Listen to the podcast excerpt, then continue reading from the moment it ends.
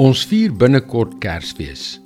Ons herdenk hoe God een van ons geword het deur sy seun Jesus na ons te stuur om ons van ons sonde te red en die ewige straf wat ons verdien te dra. Maar hoekom? Hoekom moes God dit doen? Hallo, ek is Jockey Gouchee vir Bernie Diamond. En welkom weer by Vars.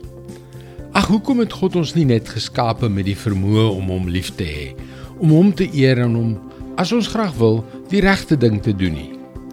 Sou dit nie baie eenvoudiger gewees het nie? Sou dit nie ongekompliseerd gewees het nie?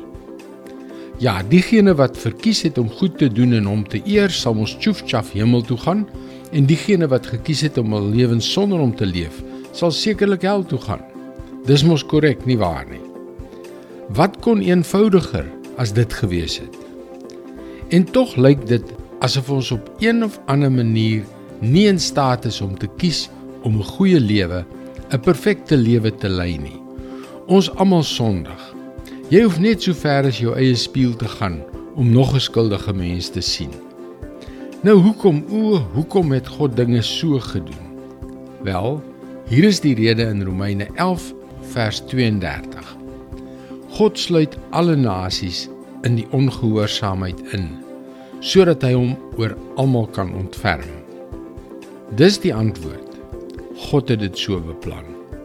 Hy het ons almal aan ongehoorsaamheid oorgelewer. Hoekom?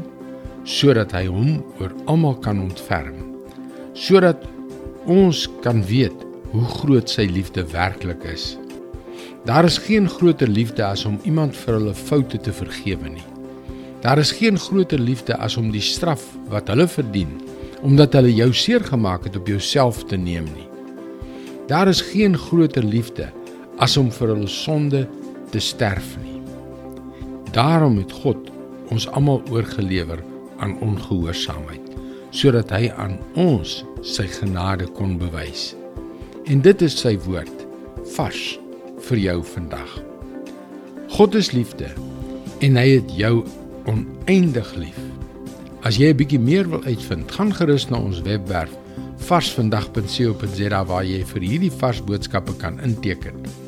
En luister weer môre op dieselfde tyd op jou gunstelingstasie na nog 'n boodskap van Bernie Diamond. Mooi loop. Tot môre.